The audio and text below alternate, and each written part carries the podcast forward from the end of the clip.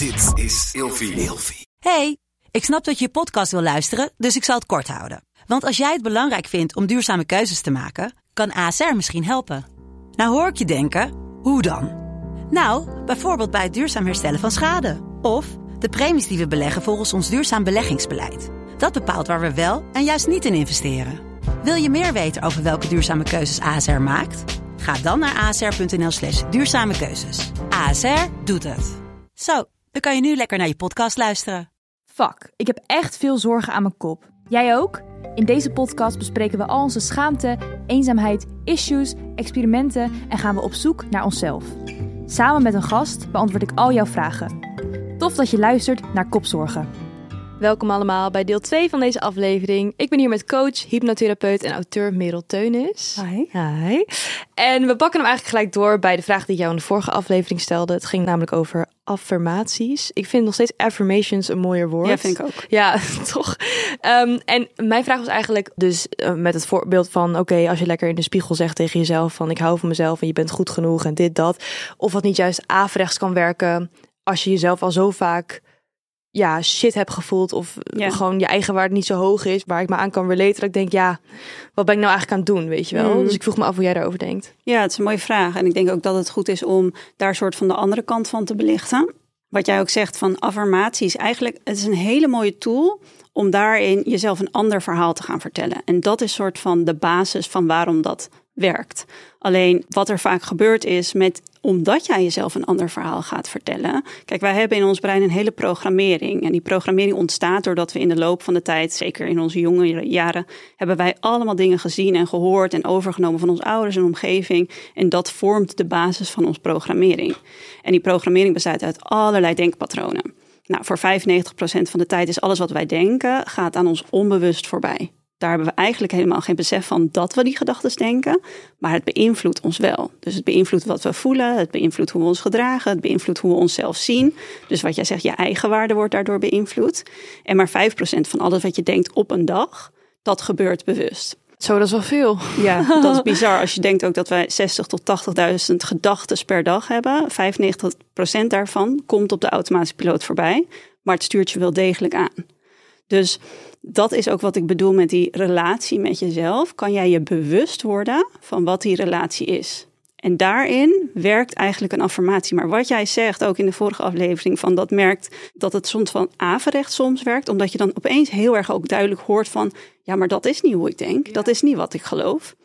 En daarom soort van werkt het alleen, en dat is een soort diepere laag dan wat vaak uitgelegd wordt, is dat het werk ook juist dus aan de andere kant zit. Want het laat jou dus heel erg, en dat kan heel confronterend zijn. Eigenlijk moet je dan op die liefdevolle manier, dus zonder oordeel aan jezelf de vraag stellen van hé, hey, maar wat is eigenlijk de waarheid die ik ben gaan geloven? Oeh, Mhm. ja, dat is heel confronterend. Ja, en dat is, daarom zeg ik, kom ik ook steeds dus op, wat is die, die relatie met jezelf? Hoe wil jij dan met jezelf omgaan? Want dan heb jij jezelf nodig om jezelf die acceptatie te geven, maar hey, het is oké dat ik dat nu zie. Want als je kijkt naar je programmering, daar zitten allemaal verhalen die wij zeg maar zijn gaan geloven over onszelf. Dat hebben we opgeslagen in de loop van de tijd. En dat zijn misschien ook wel verhalen over onszelf die van ons ouders zijn, van de mensen om ons heen. Die, dat zijn bijvoorbeeld mensen die gepest zijn in de jeugd. zijn allemaal verhalen die ze toen als waarheid hebben aangenomen. Ons brein hebben we vaak niet eens bewust gedaan. Dat zijn we zo vaak gaan herhalen. Dat dat stemmetje, ik ben niet goed genoeg. Wat ook onze diepste angst is van elk mens. Gewoon op de automatische piloot voorbij komt. Dus als jij dan gaat zeggen van ik ben wel goed genoeg. Dan kaatst er gewoon iets terug. Daarin zit eigenlijk het soort van het werk. Want als jij wil dat dat je nieuwe waarheid wordt. Wat het ook gewoon kan zijn. Want je kan daarvoor kiezen. Want in het verleden heb je onbewust gekozen voor dat verhaal wat jou helemaal niet dient. Alleen dan vraagt het dus heel veel liefde om aan dat stuk te gaan geven dat jou vertelt dat is niet waar. Ja, maar ik hoor wat je zegt. Maar wat ik gelijk denk is, in plaats van dus inderdaad zeggen ik ben niet goed of ik ben goed genoeg, dat, dat is best wel heftig, want dat kan je dus gelijk confronteren met dat je dat dus eigenlijk niet zo voelt. En je moet Mhm. het natuurlijk wel echt menen als je het Mhm. zegt, vind ik dan, weet je Mhm. wel. Dus dat is dan waarschijnlijk de hele heftige spiegel, waardoor je dus eerst in een soort van put belandt van oké, ik voel het dus daadwerkelijk echt niet over mezelf. Dan kan je daaruit komen door middel van zelfontwikkeling en aan jezelf werken en natuurlijk hulp vragen. Maar kan je dan niet beter beginnen met jezelf gewoon kleine complimentjes geven over dingen die je goed doet, zoals van dat je iemand hebt geholpen bij de metro. Of dat je iets eh, goeds hebt geschreven op werk. Of dat je überhaupt goed uit je bed bent gekomen. Dat je gewoon met een goed humeur bijvoorbeeld. Dat lijkt me dan voor mijn gevoel effectiever dan heel hoog daar op die berg zeggen. En weet je wel, toch? Het is best wel ver van je vandaan. Precies. Ja, en dat maakt het heel lastig om dat voor je gevoel te bereiken. Kijk, als ik met iemand een coachingstraject inga die een heel laag zelfbeeld hebt, dan een van de eerste vragen die ik ook stel is: wanneer ben je dan goed genoeg? Ja. Nou, heel vaak kunnen mensen die vraag niet eens soort van beantwoorden. Dus dan is het soort van streven naar iets waarvan je helemaal niet weet dat het is, maar je vindt wel dat je daaraan moet voldoen. Dus het is een soort van, maar wanneer ben je dan goed genoeg? En het is ook heel goed om je te beseffen als iemand luistert en die dat heel erg herkent van ja, ik voel me ook niet goed genoeg, dat dat onze grootste universele angst is. Dus elk mens heeft de angst om niet goed genoeg te zijn. En dat is vanuit dat overlevingssysteem dat gewoon wil dat jij erbij hoort. Dus er is een continue angst die jou alert maakt van zorg je wel dat je goed genoeg bent, zorg je wel dat je erbij hoort, zorg je wel dat je mensen pleest, want anders val je er buiten. Zo, er zijn vast heel veel mensen die in jouw coaching sessies huilen. Ja. ik zou sowieso gaan huilen als die vragen naar mij worden gesteld. Want, maar dat is ook niet gek, want ons, onze, onze angst zit heel dicht bij alle emoties mm. en zit ook heel vaak dicht bij pijn.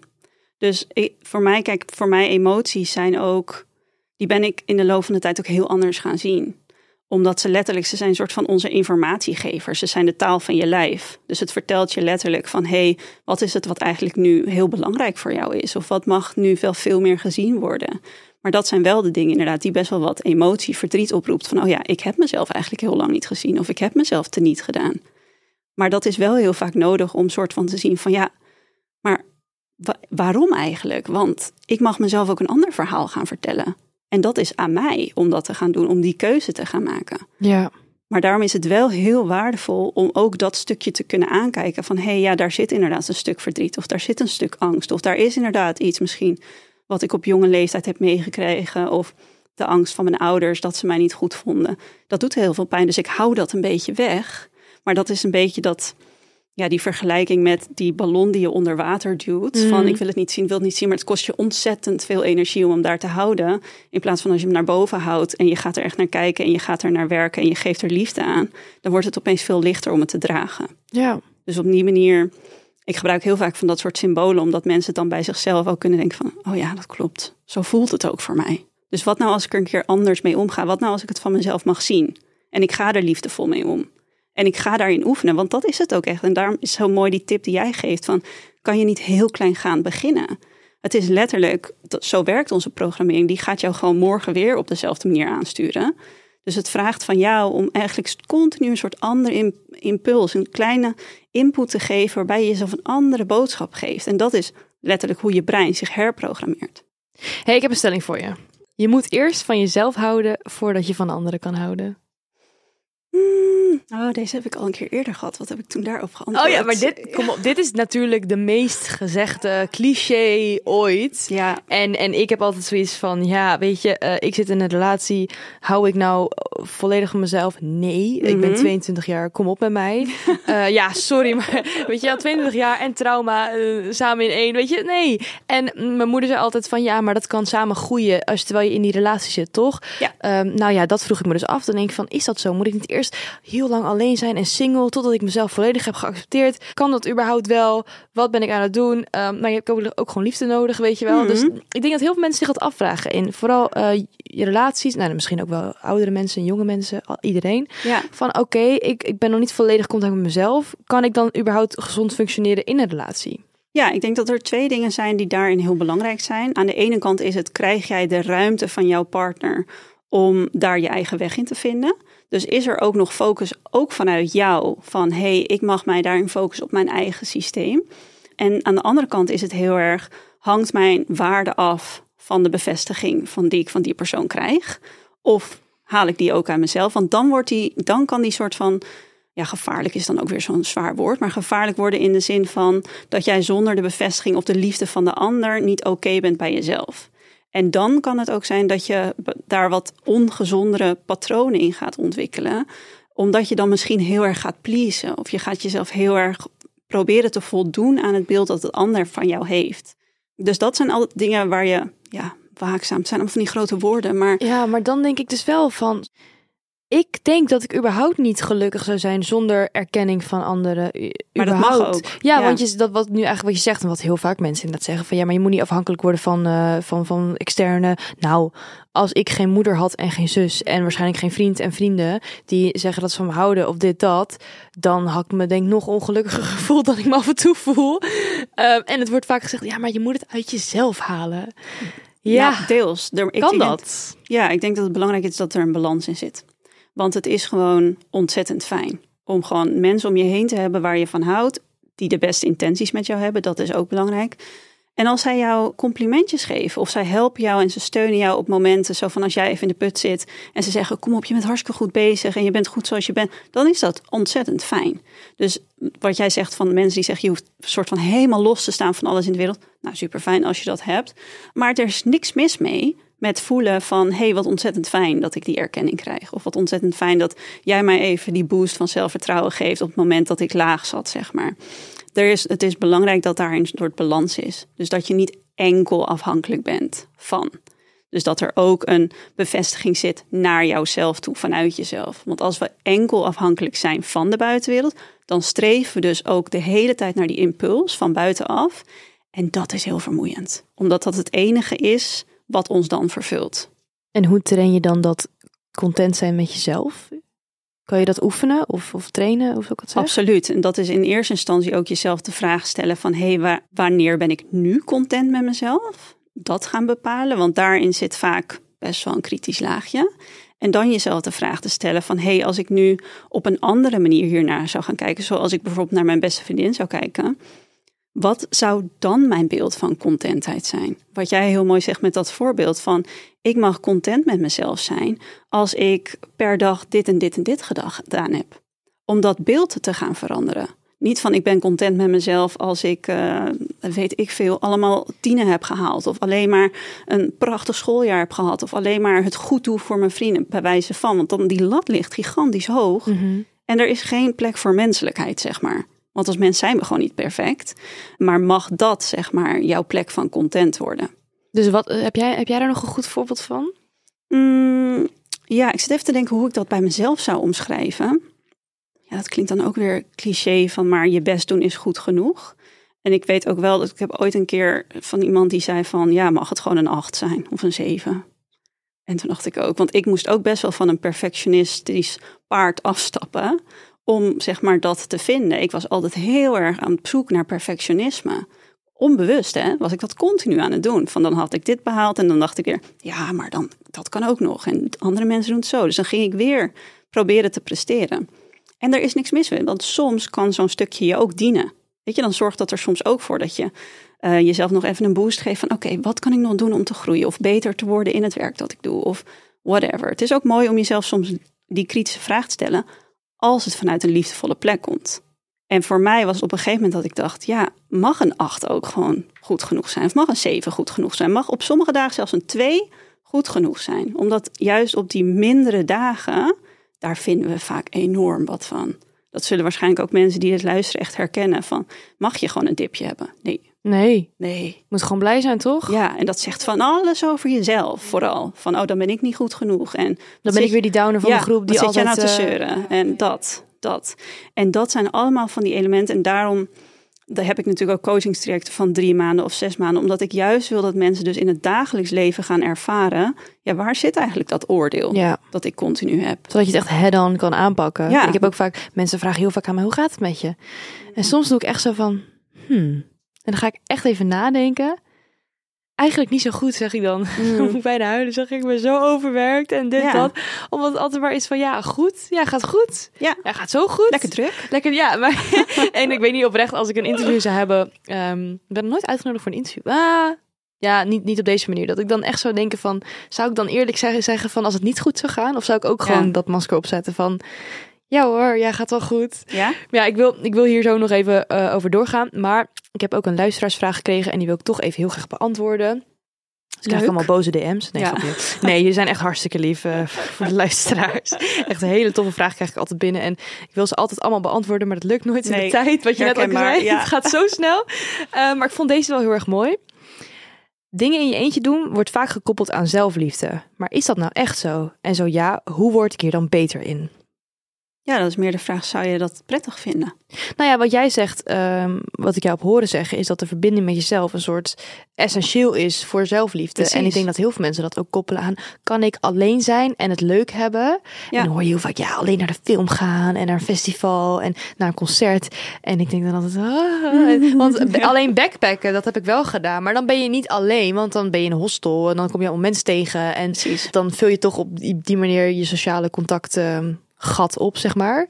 Maar hoe, want die vraag krijg jij, krijg jij waarschijnlijk ook wel vaak, toch? Zeker. Ja, ik vind het ook een mooie vraag. Omdat heel vaak met.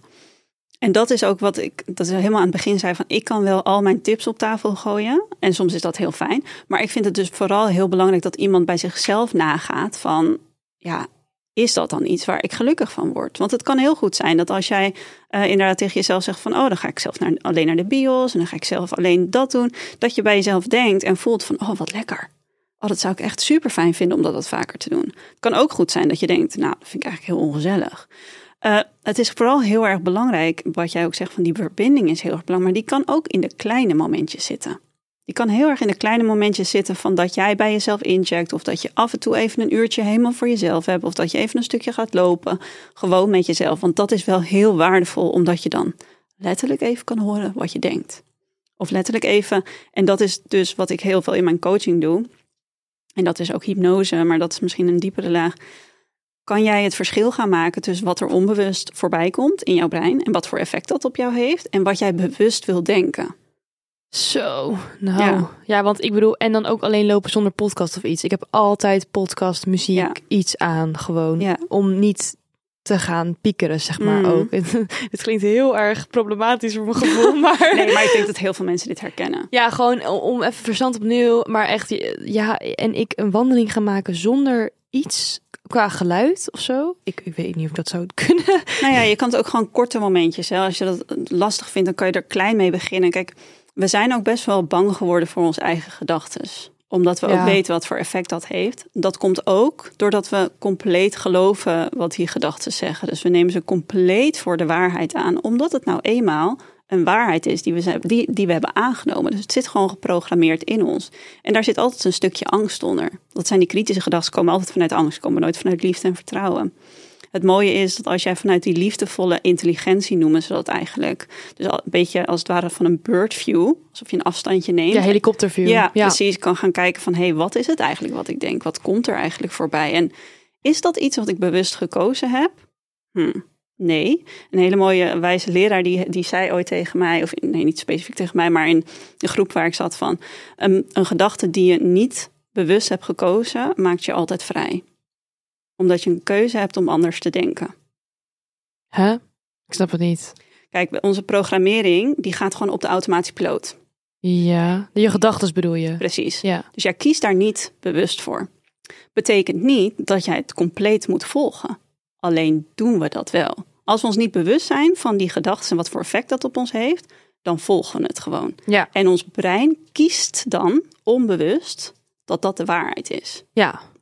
Dus als jij zeg maar opmerkt dat jij die gedachte niet bewust hebt gekozen, dan ben jij zelf vrij om te kiezen. Lijkt me ook wel vaag of zo. Als je dat dan elke keer daarover na gaat denken en dan dat moet analyseren, lijkt me ook wel vermoeiend. Heb je niet af en toe dat je denkt, jeetje, ik word wel heel moe van dat eh, constant voelen en constant... eh, Ja, voor mij is het gewoon automatisme Oh geworden. ja, je hebt het eigenlijk al getraind, net Ja. zoals met meditatie. En dat is gewoon überhaupt hoe je brein dus werkt. Op een gegeven moment gaat het anders voor je werken. Nou, ik, ik zou heel graag willen dat ik op een gegeven moment in die staat kom waar jij bent. Ik voel, ik voel het ook echt op een gegeven moment dat je het net over perfectionisme en ik voel het heel erg in mijn, ja, in mijn lijf dat ik, ik er werd iets soort van aangeraakt en ik werd een beetje, een beetje moi, emotioneel of zo. Maar ik dacht van ja, dat is wel echt constant denk ik als ik zoveel geld heb, vooral bij mij is het heel erg met geld, dan eh, is het goed. Dan kan ik al de dingen doen die ik leuk vind en dan is mijn leven wel ehm super leuk, weet je wel. Ja. En dat loslaten is heel lastig, maar ja, we kunnen hier nog wel een uur over praten. We lopen ook een klein beetje tegen het einde aan. We hebben natuurlijk, of nee, jij hebt natuurlijk heel veel tips en, en nou ja, tips, meer inzicht eigenlijk. Want Ja. wat ik merk is dat je niet een soort van, ehm, ja, een blaadje met tips hebt van doe dit, doe dat. Nee. Maar het lijkt me wel fijn om nog een afsluitend iets mee te geven van hey en ook iets praktisch Ja. en iets kleins wat mensen die luisteren denken ik loop hier ook tegenaan maar god waar moet ik beginnen Hmm. wat zij kunnen gaan doen Ja, nou ja, twee dingen die wel heel mooi zijn om nog te benoemen en die, ook, die je ook wat kleiner kan maken, is ik hoorde jou net ook heel mooi zeggen, en dit, is zo, dit, dit gaat iedereen herkennen als ze gaan letten op hoe denk ik, dat het heel erg is de, de als-dan formule. Dus als ik veel geld heb, dan ben ik gelukkig. Om dan eens te gaan kijken van, hey, hoe kan ik dan gaan, dat gaan omdraaien? Dus als ik gelukkig ben, dan doe ik dit. Dus om, ja, om meer prioriteit te geven aan dat stukje geluk. In plaats van het te gaan vervullen met: oké, ik moet overal aan voldoen of ik moet dit en dit en dit. En dan ben ik gelukkig. Hoe kan jij nog meer dat gelukgevoel eigenlijk misschien een andere betekenis ook gaan geven? En hoe kan je ervoor zorgen dat jouw aandacht en je focus in het hier en nu al veel meer uit mag gaan naar datgene wat je gelukkig maakt? Want dat is, dat is überhaupt dat bepaalt wat jij denkt, wat je voelt, hoe je het leven ervaart, hoe je je eigen waarde is, jouw focus. ja een beetje of attraction-achtig Absoluut, ja. Maar dat begint altijd in eerste instantie gewoon in het hier, in jouw bewustzijn. Van waar gaat mijn focus en mijn aandacht de hele tijd naartoe? Draai het eens om, want misschien gaat het dus de hele tijd naar dat negatieve. Ja, dan is het dus helemaal niet zo gek dat je je ook negatief voelt. En wat jij net ook mooi aangaf van, ik voel dat er iets in mijn lijf getriggerd wordt. Als je daar nou eens liefdevol naartoe gaat en gaat vragen, waarom is dat? Wat wordt daar getriggerd? En hoe kan ik dat met veel meer liefde, zeg maar, gaan omarmen? Zoals ik dat bijvoorbeeld voor een beste vriendin zou doen. En daarin ook echt gaan ontdekken van wat werkt daarin. En ik denk een van de praktische tips, hoe je daarmee het beste mee omgaat, is kan jij die, volgens mij geef ik dat in mijn boek ook wel als tip. En dat, dat is een van de dingen die mij in het begin heel erg geholpen heeft. Is kan ik heel bewust die momentjes voor mezelf gaan creëren. Volgens mij noemde ik, noemde ik het pauzemomentjes vroeger. En dan zet ik letterlijk een, een wekker gedurende de dag een aantal keer. En kon ik dan, dan wilde ik dus vijf minuten denken van oké, ik ga nu heel even wat voor mezelf doen. Dus of ik ga op die kop thee even pakken, of ik ga wel even naar buiten. Omdat die gunfactor, die stimuleer je daarmee. Wat mag jij op dat moment voor jezelf doen? Hoe mag jij die tijd invullen voor jezelf? En tegelijkertijd is het, wat jij zegt, continu bezig zijn met, oh mijn god, wat denk ik en wat zit er? Nee, wat nou als je het beperkt tot die paar minuten gedurende de dag? Van wat voel ik nu eigenlijk? En jezelf de vraag stelt, wat is er belangrijk voor mij? Wat ervaar ik nu? Waar heb ik behoefte aan? Zodat je continu daarin eigenlijk dus die keuzevrijheid hebt en ook pakt. Van oké, maar wat is het waar ik behoefte aan heb? Wat kan ik dan meer doen? Wat mag ik meer aan mezelf geven? Vanuit die gunfactor, wat gun ik mezelf nu eigenlijk? En dat is soms ook een kwestie van trainen. En hoe meer je het doet, hoe sterker dat wordt. Ja, het is vooral stilstaan bij bepaalde dingen. Wat ik je hoor zeggen, dus inderdaad het omdraaien. En het eigenlijk vooral in dat bewustzijn. Ik kan me voorstellen als je deze aflevering luistert en je hebt hier nog nooit over nagedacht. Dat je echt denkt, Oeh, dit is veel, weet je wel. Het is dat ik hier al me best wel in verdiep en natuurlijk Ja. je boek heb gelezen dat het voor mij allemaal niet nieuw is. Ehm, dus ik kan me voorstellen dat je denkt van oké, wat, wat heb ik nou allemaal, waar heb ik nou niet naar te luisteren?